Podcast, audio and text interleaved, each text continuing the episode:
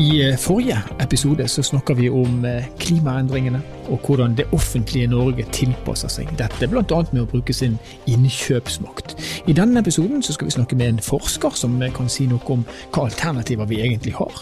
Og så skal vi snakke med en representant fra bilbransjen som skal si noe om hvordan han opplever de kravene som stilles når det gjelder miljø. Dette er Nord-Norge verden. Mitt navn er Stein Vidar Loftaas.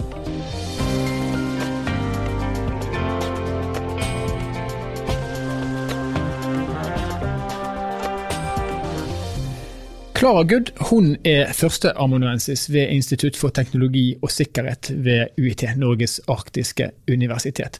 Og hun forsker på klimavennlige løsninger, spesielt innenfor transport, men også innenfor eh, klimanøytrale bygg og solcelleenergi. Eh, og nå er hun med oss. Velkommen skal du være, Klara. Ja, tusen takk for det. Du, jeg tenkte jeg skulle starte med et spørsmål som, som jeg egentlig har lurt på eh, ganske lenge. Altså Utslippskilder man, I verden så hører man jo om de store altså transportsektoren, oljeproduksjon osv. Mm. Men hva er de største utslippskildene i Nord-Norge? I Nord-Norge, ja, det var et godt spørsmål. Vi har jo eh, de samme utslippskildene som andre steder i verden, og det er transport, og det er våre boliger, og det er ja, maten vi spiser. Da. Men vi har jo i tillegg eh, en del industri. Så som punktutslippskilder så har vi jo f.eks. de litt sånn tyngre industri, f.eks. Finnfjord, da, som har, bruker mye energi og, og eh, som en del i, i prosessen da, slipper ut mye eh, klimagasser. Så, så, industri er jo selvfølgelig også en, en kilde til utslipp. Så vi skiller oss ikke noe særlig fra resten av verden? Nei, det er, vel, det er jo omtrent de samme utslippene. Uh, ja. Men de fleste de hører jo om industrien som du nevner, man hører om oljesektoren, man hører om transport. Mm. Men hvor viktig er klimanøytrale bygg nå når vi skal, skal omstille oss? Ja, det kommer jo litt an på hvilke utslipp man regner inn under hvilken eh, kategori. sånn sett. Men vi bruker å si at ca.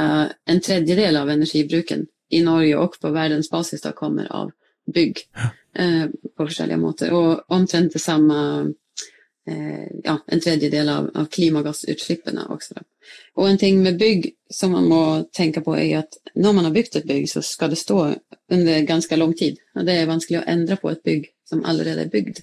Mm. Så man bygger jo inn en del utslipp hvis man bygger eh, bygg av forskjellige slag som ikke er energieffektiv, og som har mye utslipp i, i, drift, så, så, har man jo bygd inn de utslippene for lang tid fremover. Så Derfor er det også så viktig med bygg. At man tenker igjennom det fra starten, da, fordi at de skal vare lenge. Ja. Men er, er, vi flinke til det? Vi blir vel flinkere og flinkere, får man si.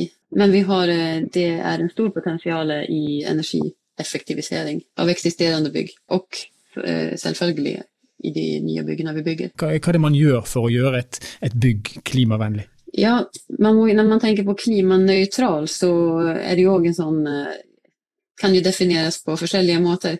Når man tar for seg det store bildet, så tenker man jo også på hvordan man bygger bygget, og hvilken type materialer som går inn i byggingen. Altså hvordan er de laga. Mm. Så det er det første man kan tenke på, å bygge med eh, miljø- og klimavennlige materialer. Noe som blir mer og mer eh, aktuelt, er jo å tenke gjenbruk av materialer.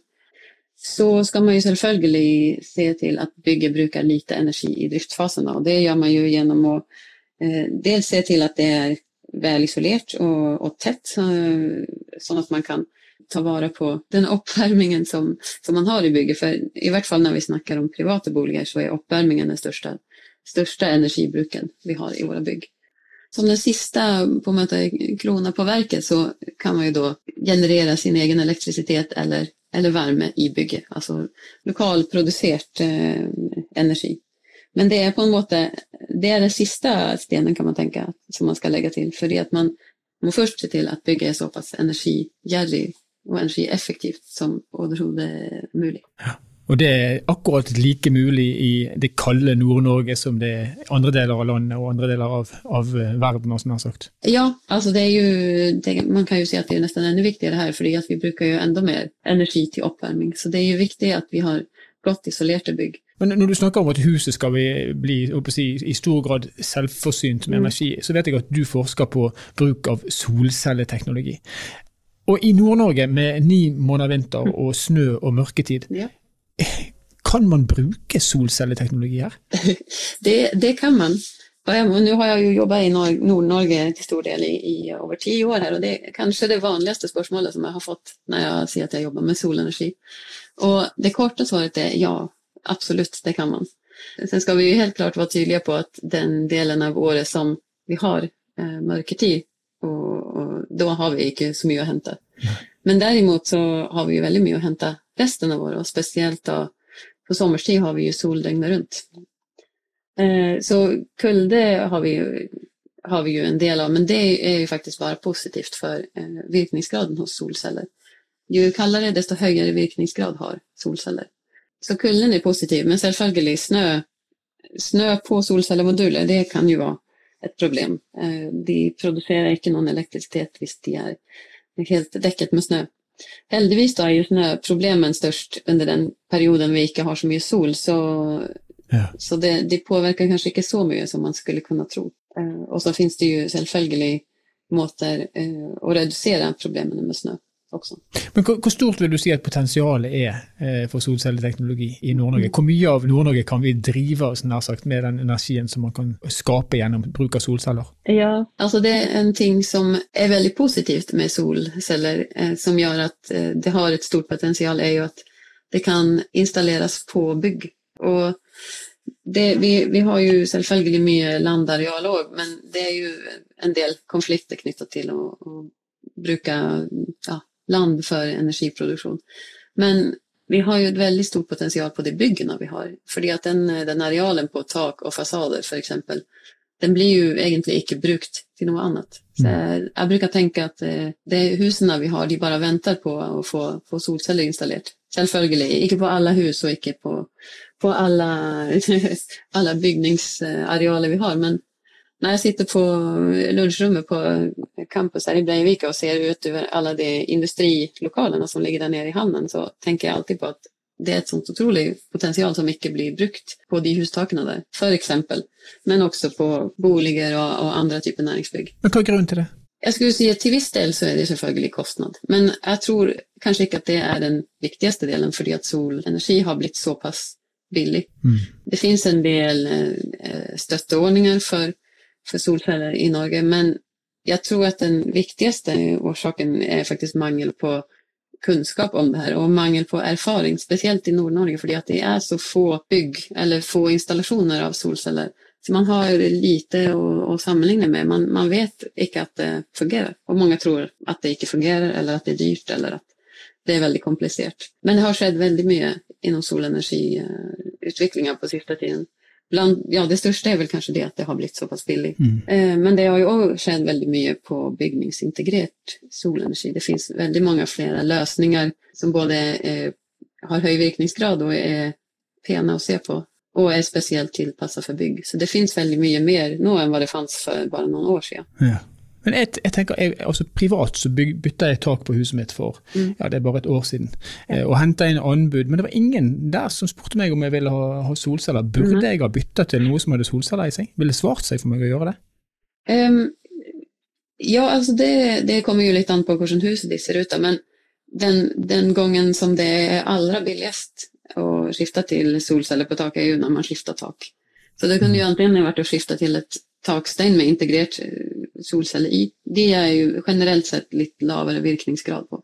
Men også når man enda er oppe og jobber på taket og faktisk monterer solceller utenpå taket. Så det kunne sikkert ha uh, lønna seg for deg. Uh, det kommer jo også Det er jo det er et typisk forskersvar, men det er jo også vanskelig å svare på, for man må jo se an eh, hvordan vil energiprisen utvikle seg fremover, og hva vil det bli noen nye ordninger for hvordan vi betaler for eh, effekt eller, eller, energi som vi bruker. Så det, det kommer jo an på mange faktorer, men det hadde helt klart kunnet vært en, en god investering. Ja. Det får jeg eh, ta opp med snekkeren min neste gang jeg ser han. Men en annen ting som jeg også stadig vekk ender opp med, med å spørre meg sjøl om, det er dette her med altså Solcellestrømmen er ren strøm, vindkraft er ren strøm. Mm. Og, og, og det, er et, det, er en hype nå på at man skal legge om til denne type energi. Men samtidig så har jo vi mye vannkraft i, i Nord-Norge og i Norge, og det er jo også ren energi. Hvorfor er man så mm. ivrig etter å, å, å dreie det til, til nye og grønne energiformer? Ja, det er altså vannkraften som vi har i Norge, den er jo en enormt bra resurs. Så vi har ju, vi har jo nästan 100% av vår strøm i Norge kommer fra fornybare kilder, så fremst vannkraft. Men det utgjør i seg bare halvparten av den energien vi bruker, fordi vi bruker f.eks. mye bensin til å kjøre våre biler. Så det er 100% av strømmen, men, men ikke 100% av energien vi bruker. Mm. Og utviklingen går jo mot at mer og mer av energibruken går over på elektrisitet. Det er jo i stor grad innom transport, men også innom industrien. Mm. Så vi trenger helt klart mer eh, kraft i framtida. Tusen takk for at du kunne være med oss, Klara Good, førsteamanuensis ved Institutt for teknologi og sikkerhet ved UiT, Norges arktiske universitet. Ja, takk for det.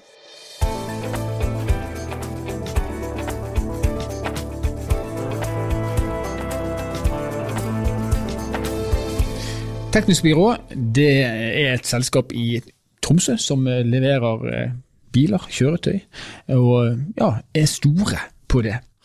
Og Bjørn Solstad, som vi skal snakke med nå, han jobber spesielt inn imot næringslivskundene. Velkommen til oss, Bjørn. Tusen takk. Fokuset på klimaomstilling og miljø, hvordan merker dere det i Teknisk byrå?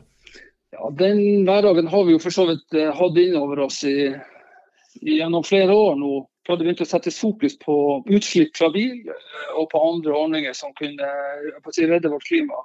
Og Kommunene var vel egentlig de første til å gi signaler om at de ønska å komme i møte med bilbransjen for å finne alternativer som kunne være gode for fremtida. De signaliserte at der de ønska å handle, så, så måtte de ha miljøalternativer på banen. Og etter hvert så har også da kommet etter, og kanskje dem som i størst grad i dag etterspør eh, gode miljøalternativer. Og I fjor så var Norge altså det første landet i verden der flertallet av nye biler som ble solgt, var elbiler. Og, og Teknisk byrå er i Tromsø, og Nord-Norge er en landsdel med lange avstander. Er det sånn også hos dere nå at man selger flere elbiler enn en biler som går på fossilt brensel? Ja, jeg kan si at uh, altså, Ifølge våre ordrebøker så ser vi at miksen er for uh, 2020 at vi har solgt 37% elektriske biler, 24% plug-in hybrid og 39% fossilbiler. Det var liksom miksen som vi hadde.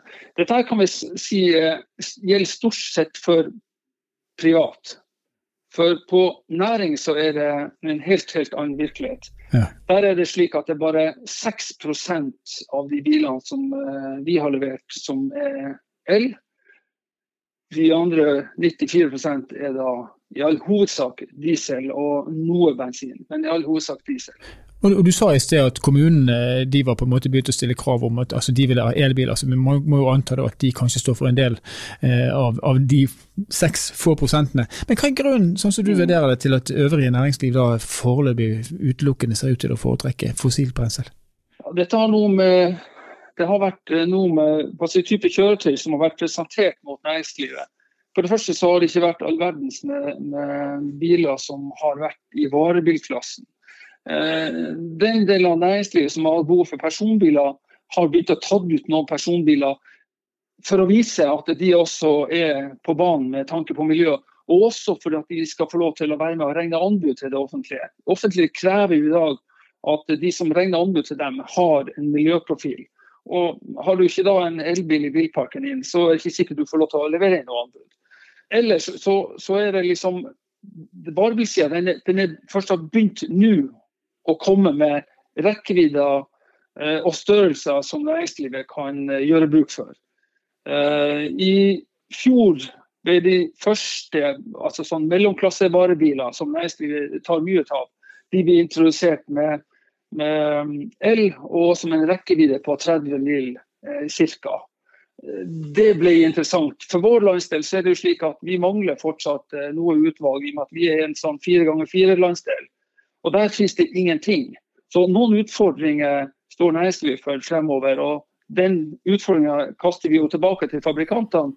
Eh, men det går ikke så fort som politikerne ønsker. Hvis du ser da litt inn i, ikke i spåkulen, men litt inn i den fremtiden som vi allerede vet når det gjelder de kravene som, som kommer til å bli stilt fra det offentlige. Eh, man skal altså fase ut kjøretøy med fossilt drivstoff, og det skal skje i løpet av ganske få år. Hvor, hvor fornuftig er dette, sånn som du ser det? Ja, det er Vi som bilbransje vi syns jo at dette toget går vel fort. Vil, vi føler vel ikke at det er samsvar mellom det som er realistisk å skaffe til veie, og det som en politiker um, forlanger.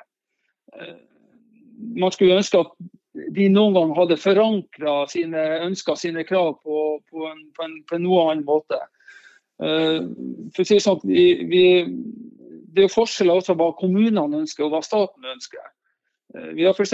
Tromsø kommune som, som, har en klima- og miljøplan som sier at uh, i, innen 2025 så skal altså 70% av deres anskaffelser av person- og varebiler under 3,5 tonn være nullutslippsbiler. Staten har gått ut noe nylig med, med, med sin eh, plan. Og, og, Der sier de at eh, i klimameldinga at det skal være fra 2022 så skal alle person- og lette varebiler som kjøpes i stat og kommune eller eller andre offentlige etater, være nullutslippsbiler. Som du ser her, det er et gap mellom det rikspolitikerne sier og det kommunepolitikerne sier. Eh, og Det er vel fordi at kommunepolitikerne sitter og føler hverdagen på en litt annen måte. Men tenker du at de kravene som stilles, være seg enten de statlige kravene til 2022 eller Tromsø kommune sin ambisjon til 2025, er det urealistisk, eller betyr dette her bare at vi må legge til rette eh, på en annen måte for at dette skal kunne være mulig å gjennomføre? Ja, det, det, er kanskje ikke nødvendigvis helt urealistisk, men, men, men uh, det er vel mer lite lite helhetlig og lite gjennomtenkt. Så, sånn, i, det, i, det, store bildet eh, du vil kunne nå det innenfor noen nisjer, mens andre nisjer der er det ikke, rett og slett ikke produsert eh, produkter til å dekke opp de kravene som, som man ønsker å, å, å få, få dekt, rett og slett. Er det, er det rekkeviddeproblematikken eller er det ladestasjonsproblematikken? Hva, hva er det viktigste?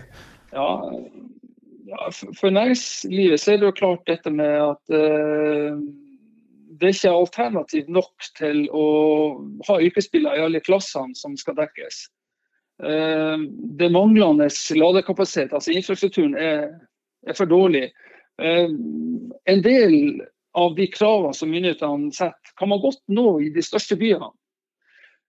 Men det er klart det er stor forskjell på Oslo og eh, Tromsø, Finnsnes, Berlevåg hvordan næringslivet der kan, og kommunene der kan, kan ta i seg innover seg de kravene som, som man stiller. Så, så, eh, om jeg skal kalle det urealistisk eller ikke, vel, det blir i hvert fall veldig veldig vanskelig å, å, å følge. Og, og, og, selv om vi er på en bølge nå der flere og flere fabrikanter kommer med rene elbiler, så er jeg redd for at det kommer ikke til å gå like fort som politikerne. Politikerne er nok litt for utålmodige. Hvis jeg spør deg om å, om å være spåmann, eh, Bjørn, når selger du din siste bil med fossil eh, energi?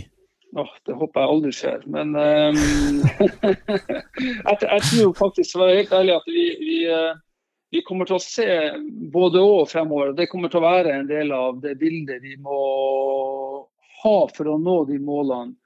Um, hybrid tror jeg kanskje er løsninga. Eh, og den kan kanskje erstatte en ren, el, nei, en ren bensin eller en ren uh, diesel på sikt. Uh, det at man har kombinasjon med å kunne kjøre noe på batterier og noe på slik at du dekker altså langkjøringer. I dag er jo det kjempeinteressant for en bedrift. Kunne kjøre i sentrum på el. Hvis det kravet kommer inn fra myndighetene at i sentrumsnære områder skal det være ren el, ok, så kjører du med det på hybriden der, og så har du distanse når du skal utafor. I en eh, lavutslippsdieselmotor dieselmotor f.eks. Tusen takk for at du kunne være med oss, Bjørn Solstad fra Teknisk byrå i Tromsø. Ha det hyggelig.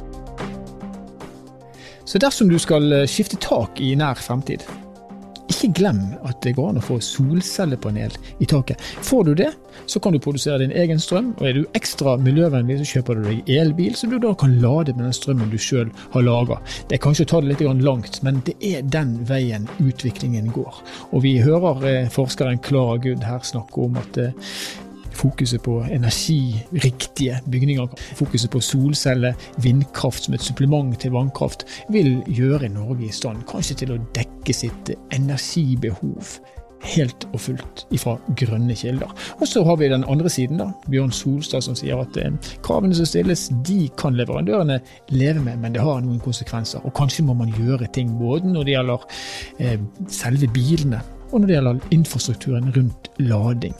Veien fremover, den tror jeg eh, de aller, aller fleste ser et tydelig omriss av, og så må den gås i riktig takt. Nord-Norge i verden er en podkastserie som er produsert av Kunnskapsbanken Sparebank1 Nord-Norge i samarbeid med Helt Digital. Musikken du har hørt er laget av Emil Karlsen. Mitt navn er Stein Vidar Loftaas, og vi høres igjen i neste episode.